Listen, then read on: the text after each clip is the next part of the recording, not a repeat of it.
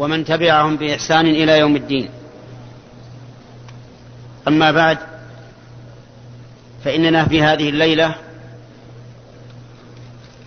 ليلة الخميس الثالثة عشر من شهر شعبان عام ثلاثة عشر وأربعمائة وألف. نلتقي بإخوان لنا في المسجد النبوي مسجد رسول الله صلى الله عليه وآله وسلم. على الكرسي الذي كان يلقي منه فضيلة أخينا الشيخ أبي بكر الجزائري والذي آذن لنا أن ننوب عنه في هذه الليلة وفي الليلة القادمة إن شاء الله ليلة الجمعة. فنسأل الله أن يجزيه عنا خيرا. وأن يجعل هذا اللقاء لقاء مباركا. أيها الإخوة لقد بعث الله محمدا صلى الله عليه وآله وسلم بالهدى ودين الحق. بالهدى ودين الحق. هو الذي أرسل رسوله بالهدى ودين الحق. فالهدى هو العلم النافع. ودين الحق هو العمل الصالح. ولم, ولم يرسله الله تعالى بهذين الأمرين عبثا ولعبا ولكن أرسله بهذين الأمرين ليظهره على الدين كله. يظهره أن يجعل دينه ظاهرا عاليا على الدين كله أي على جميع الأديان. ولو كره المشركون. وهذان الأمران عن العلم النافع والعمل الصالح إذا كانت الأمة الإسلامية في عهدها النوري العهد الأول عهد رسول الله صلى الله عليه وآله وسلم وخلفائه الراشدين أبي بكر وعمر وعثمان وعلي. قد كتب لها الظهور والعزة على جميع الخلق الذين يدينون بغير دين الإسلام. فإن ذلك سوف يثبت لآخر هذه الأمة إن هي التزمت بما التزم بها به سلفها. العلم النافع والعمل الصالح. فما هو العلم النافع وما هو العمل الصالح؟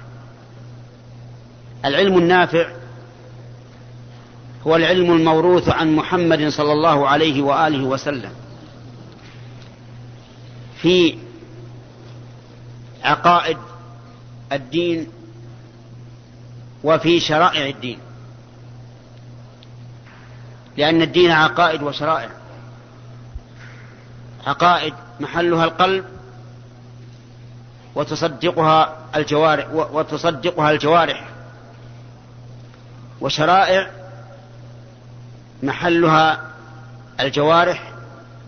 قول باللسان وعمل بالأركان.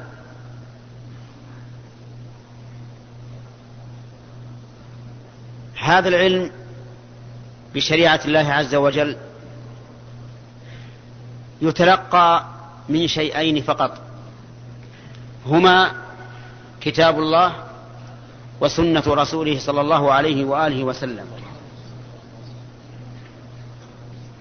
لقول الله تعالى وأنزل الله عليك الكتاب والحكمة وعلمك ما لم تكن تعلم وكان فضل الله عليك عظيما.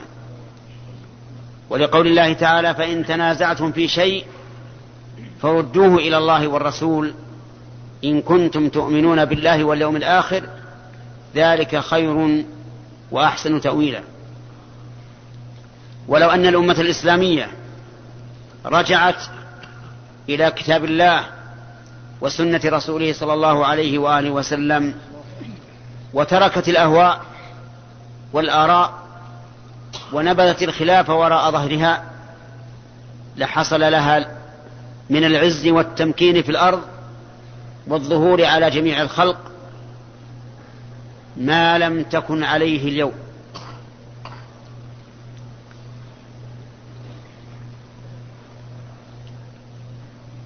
إننا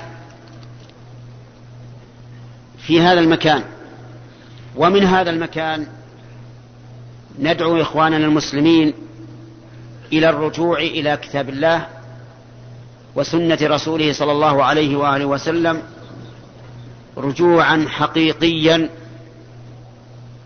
مبنيا على العقيدة يصدق الفعل فيه القول لأن مجرد الأقوال لا تغني من الحق شيئا. فها هم المنافقون. إذا قاموا إلى الصلاة قاموا كسالى يراءون الناس ولا يذكرون الله إلا قليلا. فهم يذكرون الله ولكن بقلة. وها هم يجيئون إلى رسول الله صلى الله عليه وآله وسلم يقولون نشهد إنك لرسول الله. قال الله تعالى والله يعلم إنك لرسوله. والله يشهد إن المنافقين لكاذبون. فهل أغناهم هذا القول شيئا؟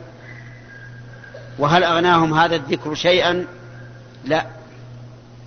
لأن الله قال والله يشهد إن المنافقين لكاذبون فلا بد للقول من العمل وإلا صار كذبا. وإذا كان المرجع في وإذا كان المرجع في عقيدتنا وفي أعمالنا كتاب الله وسنة رسوله صلى الله عليه وآله وسلم فإن الواجب ألا, تن... ألا نتفرق وألا نتنازع وأن نكون أمة واحدة. لقول الله تعالى شرع لكم من الدين ما وصى به نوحا والذي أوحينا إليك وما وصينا به إبراهيم وموسى وعيسى أن أقيموا الدين ولا تتفرقوا فيه. ولقول الله تبارك وتعالى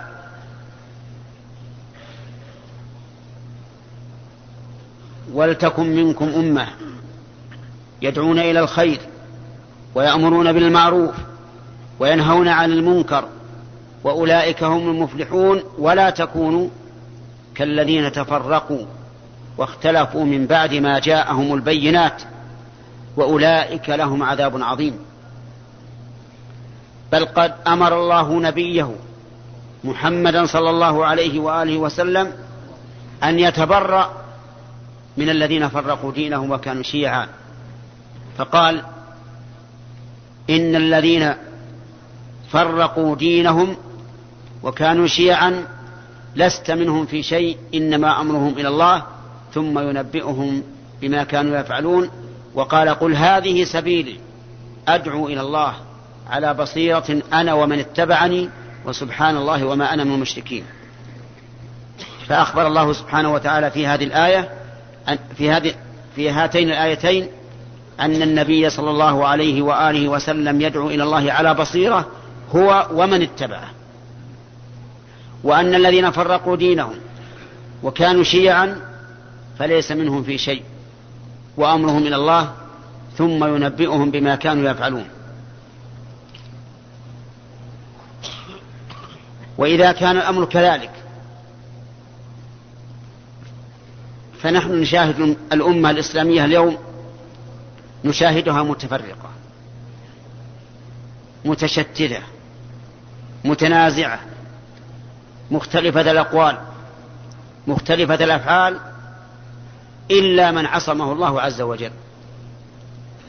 إلا أهل السنة الذين التزموا بسنة الرسول صلى الله عليه وآله وسلم ظاهرا وباطنا.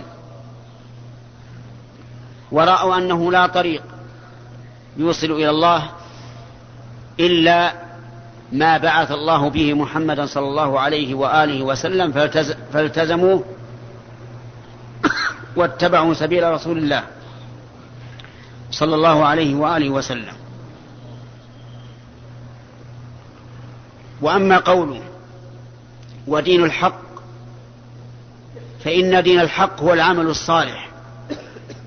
العمل الصالح المبني على أمرين.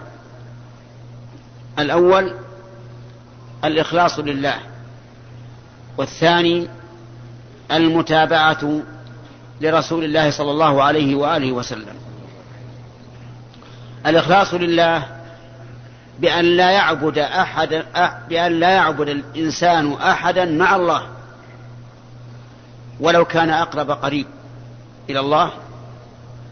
ولو كان في أعلى مراتب الخلق. فإنه لا يستحق العبادة إلا الله وحده لا شريك له. قال الله تعالى شهد الله أنه لا إله إلا الله إلا الله. شهد الله أنه لا إله إلا هو. وأولي العلم قائما بالقسط لا إله إلا هو العزيز الحكيم. فلا إله إلا الله. أي لا معبود حق إلا الله. وليس المعنى أنه لا يعبد أحد دون الله لأن الواقع أن هناك من عبد من دون الله. أفرأيتم اللات والعزى ومناة الثالثة الأخرى ألكم الذكر وله الأنثى تلك إذا قسمة ضيزى إن هي إلا أسماء سميتموها أنتم وآباؤكم ما أنزل الله بها من سلطان. ومن الناس من يعبد البشر ومنهم من يعبد البقر ومنهم من يعبد الشجر ومنهم من يعبد الحجر فهناك آلهة تعبد من دون الله ولكن هذه الآلهة باطلة. ذلك بأن الله هو الحق وأن ما يدعون من دونه هو الباطل وأن الله هو العلي الكبير. وكذلك من الإخلاص أن لا نشرك مع الله أحدا في العبادة. بمعنى أن لا نعبد الله لله ولغير الله. ولهذا كان الرياء في العبادة مبطلا للعبادة. الرياء في العبادة مبطلا لها وما هو الرياء؟ الرياء وأن تعبد الله ليراك الناس فيمدحوك من أجل عبادتك فهذا رياء. قام رجل يصلي فجعل يحسن صلاته في ركوعه. وسجوده وقراءته من أجل أن يراه الناس فيحمدوه على تعبده لله فهذا مرائي. لا يقبل الله عمله. من كان يرجو لقاء الله فمن كان يرجو لقاء ربه فليعمل عملا صالحا ولا يشرك بعبادة ربه أحدا. وفي الحديث الصحيح عن أبي هريرة رضي الله عنه أن النبي صلى الله عليه وآله وسلم قال قال الله تعالى أنا أغنى الشركاء عن الشرك. أنا أغنى الشركاء عن الشرك. من عمل عملا أشرك فيه معي غيري تركته وشركه. هذا المرائي الذي قام يصلي ويحسن صلاته من أجل أن يراه الناس فيحمدوه على حسن عبادته هل أشرك مع الله غيره أم لا؟ أجيبه. أشرك مع الله غيره. إذا لا تقبل صلاته من عمل عملا من عمل عملا أشرك فيه معي غيري تركته وشركه. رجل آخر حج أو اعتمر ليقول الناس ما أكثر حجة ما أكثر اعتماره؟ هل يثاب على هذا الحج أو على هذا الاعتمار؟ لا. لماذا؟ لأنه مبني على رياء. والله عز وجل لا يقبل عملا أشرك فيه الإنسان معه غيره. رجل ثالث ينفق كثيرا على الفقراء في بناء المساجد في إصلاح الطرق في بناء المساجد المدارس في طبع الكتب في شرائها وتوزيعها على طلبة العلم من أجل أن يقال إن فلانا ينفق. فهل يقبل هذا العمل؟ لا. لماذا؟ لأنه أشرك مع الله فيه غيره. ومن عمل عملا أشرك فيه مع الله غيره تركه الله وشركه. وعلى هذا فقس. كل عمل يشرك به الإنسان أحدا مع الله فإنه باطل. وكل مشرك مع الله فعمله باطل حتى وإن كان لله. كيف يكون مشركا بالله ونقول وعمله لله؟ نعم. لو أن الرجل كان يسجد للقبر سجودا خالصا للقبر ويسجد لله سجودا خالصا لله فهل يقبل منه سجوده لله؟ أجيبه. لا يقبل. لماذا؟ لأنه مشرك. مشرك شركا مخرجا عن الملة. فإن من سجد لغير الله فهو مشرك. السجود عبادة. والعبادة لا تصرف لغير الله. فمن صرفها لغير الله فهو مشرك. رجل وقف على صاحب القبر وقال يا فلان يا سيدي يا ولي الله وما وما أشبه ذلك؟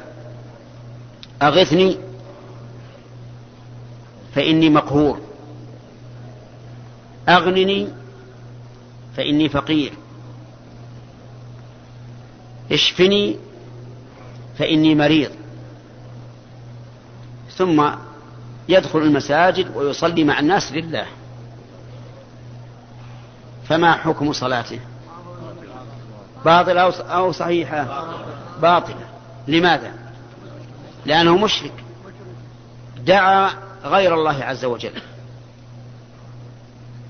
دعا ميتا هامدا جثة. لا يستطيع أن يدفع عن نفسه شيئا من الضرر فضلا عن غيره. لكن قد يقول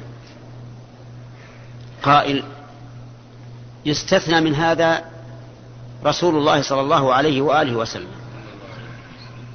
لأن الله قال ولو أنهم إذ ظلموا أنفسهم جاءوك فاستغفروا الله واستغفر لهم الرسول لوجدوا الله توابا رحيما. ولو أنهم إذ ظلموا أنفسهم جاءوك فاستغفروا الله لأنفسهم واستغفر لهم الرسول لوجدوا الله توابا رحيما. وهذا يدل على أن الرسول صلى الله عليه وآله وسلم يستغفر لهم إذا جاءوا فما هو الجواب عن هذه الشبهة؟ التي اشتبهت على كثير من الناس. الجواب أن الآية لا تدل على شيء مستقبل تدل على شيء مضى وحصل في حياة الرسول عليه الصلاة والسلام.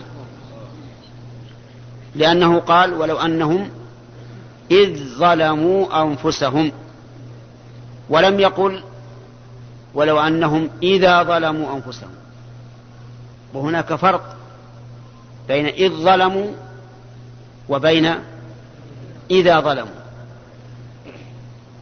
فرق في اللغة العربية التي نزل بها القرآن. إذ لما لما مضى وإذا للمستقبل. فالآية لا تدل على هذا. ثم إنه قال واستغفر لهم الرسول. والرسول لا يمكن أن يستغفر لأحد بعد موته. لأنه لا يمكن أن يستغفر لنفسه فضلا عن أن يستغفر لغيره. الدليل قول النبي صلى الله عليه وآله وسلم إذا مات الإنسان انقطع عمله. إذا مات الإنسان انقطع عمله. والرسول عليه الصلاة والسلام إنسان.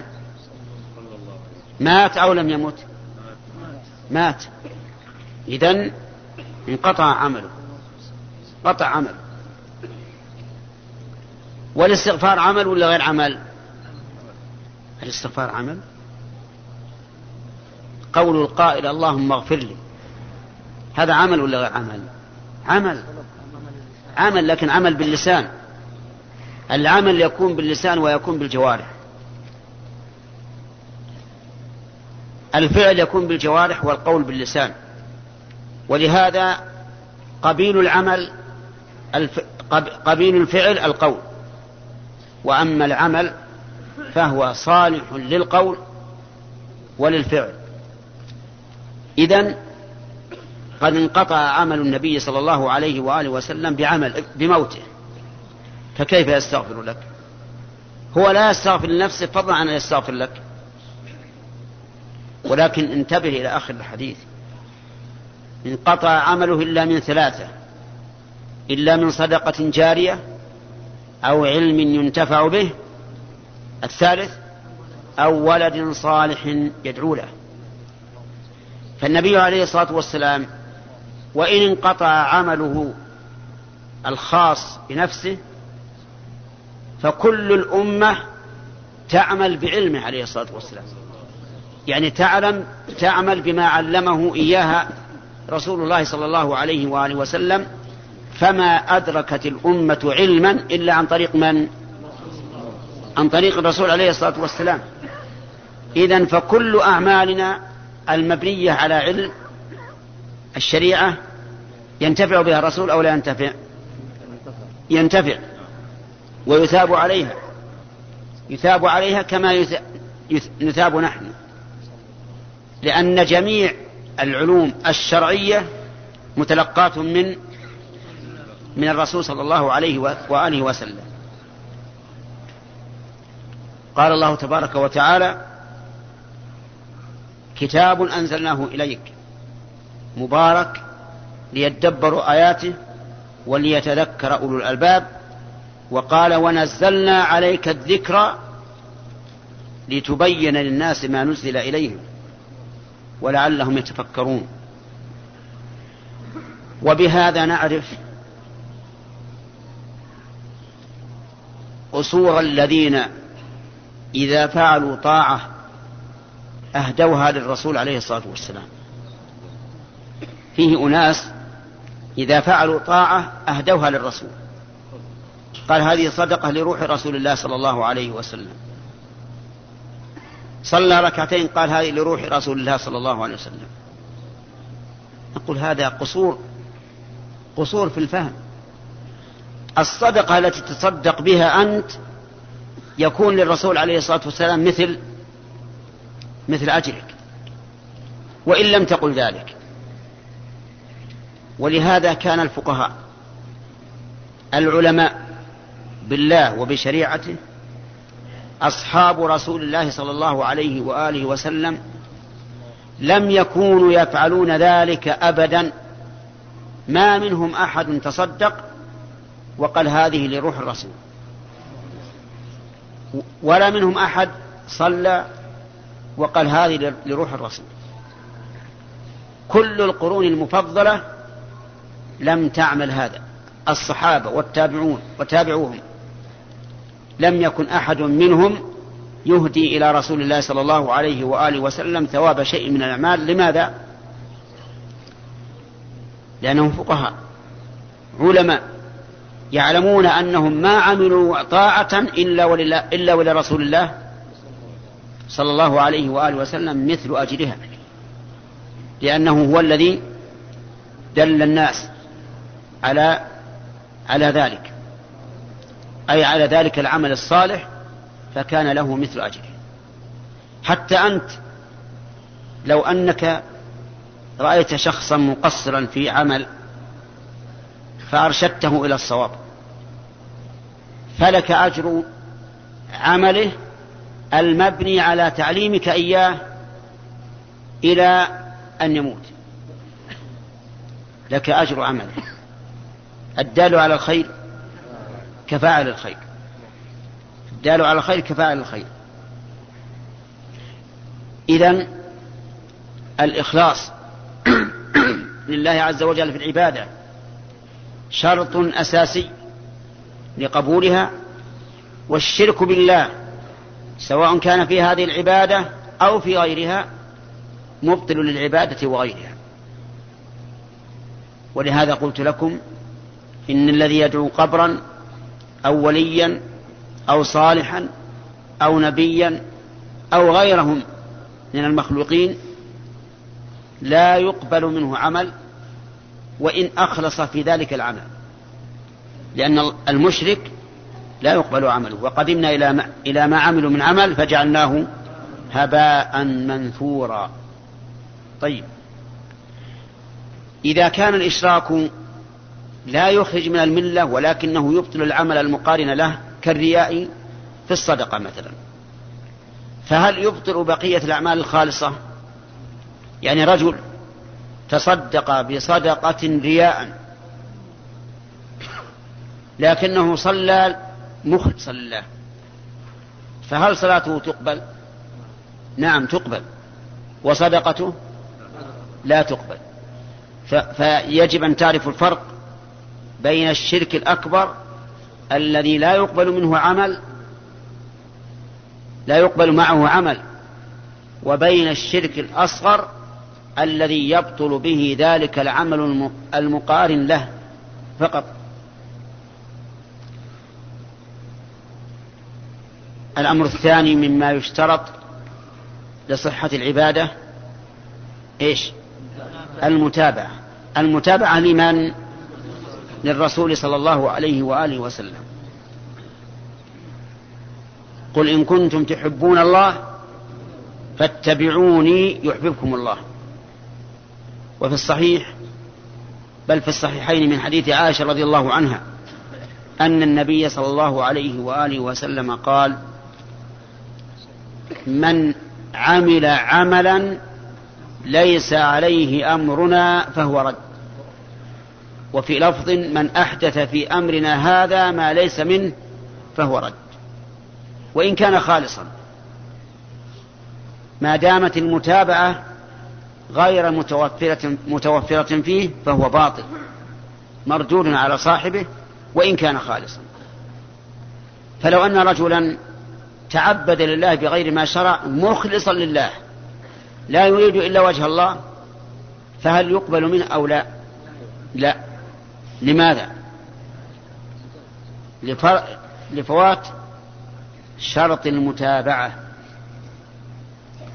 واعلم أن المتابعة لا تتحقق إلا إذا كانت العبادة موافقة للشرع في الأمور التالية في سببها وجنسها وقدرها وكيفيتها وزمانها ومكانها.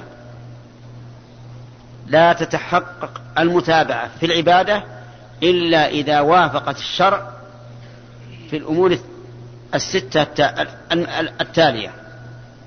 السبب سببها والثاني جنسها قدرها كيفيتها زمانها مكانها. لابد من أن تتحقق الموافقة في هذه الأمور الستة. اذكرها لنا أخ. اذكرها وأنت قائم.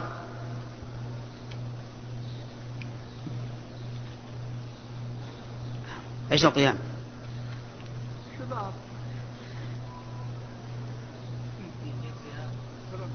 نعم.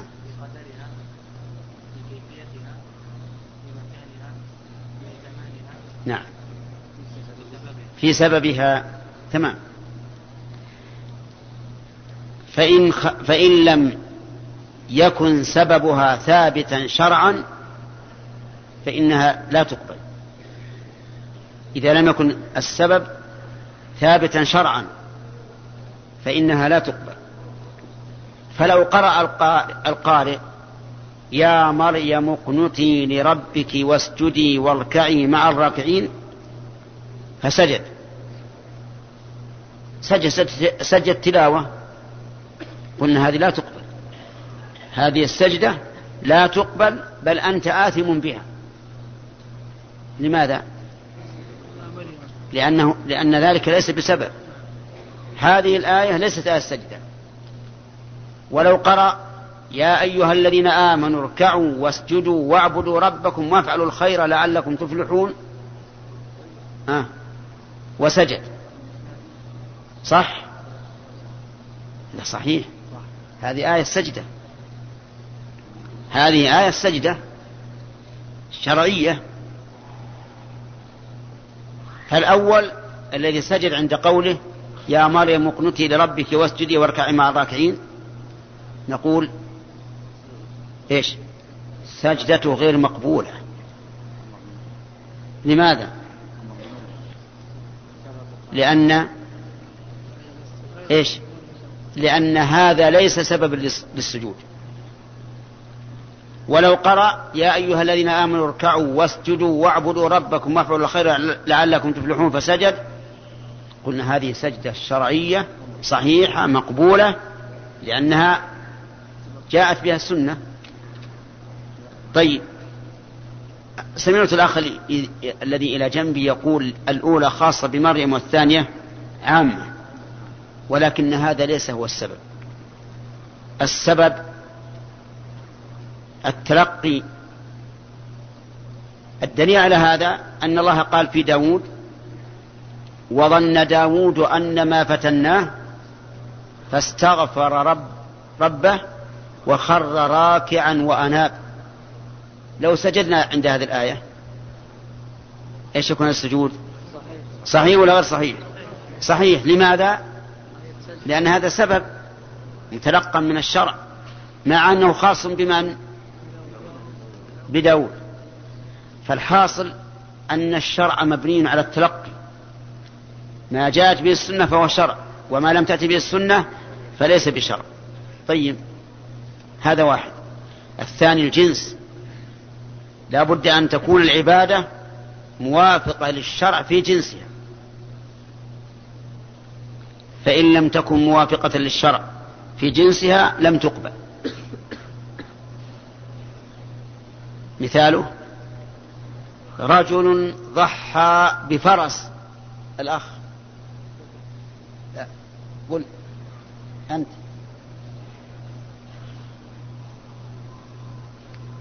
رجل ضحى بفرس. هل تقبل أضحيته؟ ما تدري. من يدري؟ استرح. من الذي؟ تفضل. لا. لا هذا. أجب وأنت قائم. لماذا؟ ها؟ لأنه ذو حافر. ما يكفي هذا. استرح.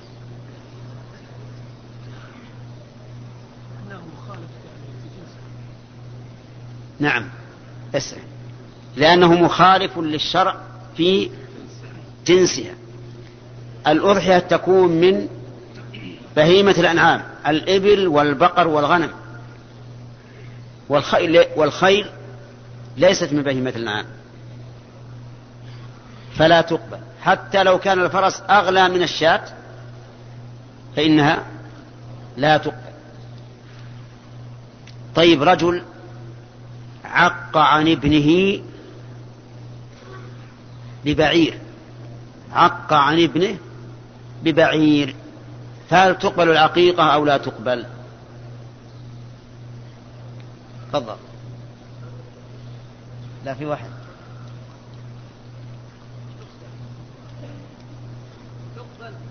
تقبل؟ طيب اسرح في من يخالف؟ اليد اليسرى لا تقبل. نعم.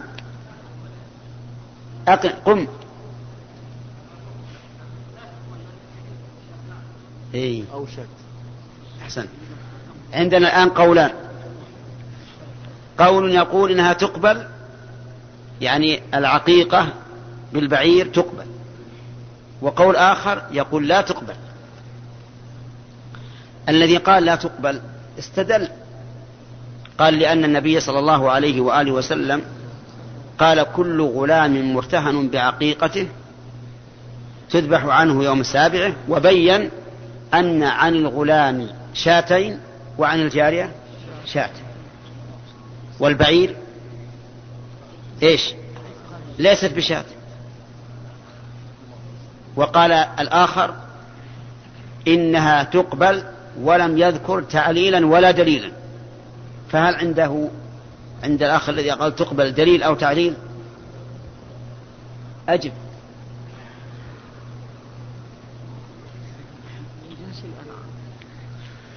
نعم. ال- ال- الذين قالوا تقبل قالوا لأن هذا الحيوان من جنس ما يتقرب به إلى الله. من جنس ما, يتق... ما يتقرب به إلى الله. فقال الثالث رأي ثالث لم يذكر نذكره. قال الثالث تجزئ البعير عن سبع عقائق. كما تجزي عن سبع ضحايا. فإذا كان عندك ثلاثة أولاد وبنت وذبحت عن ونحرت عنهم بعيرا أجزى لأن البعير عن سبعة. ستة لثلاثة الأولاد واحدة للجارية. فماذا نقول في هذا؟ هل يجزئ أو لا يجزئ؟ تفضل. لماذا؟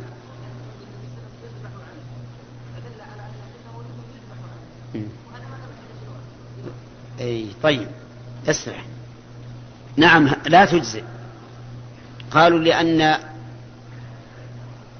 العقيقة بمنزلة الفدية عن الشخص فلا بد أن تكون نفس بنفس.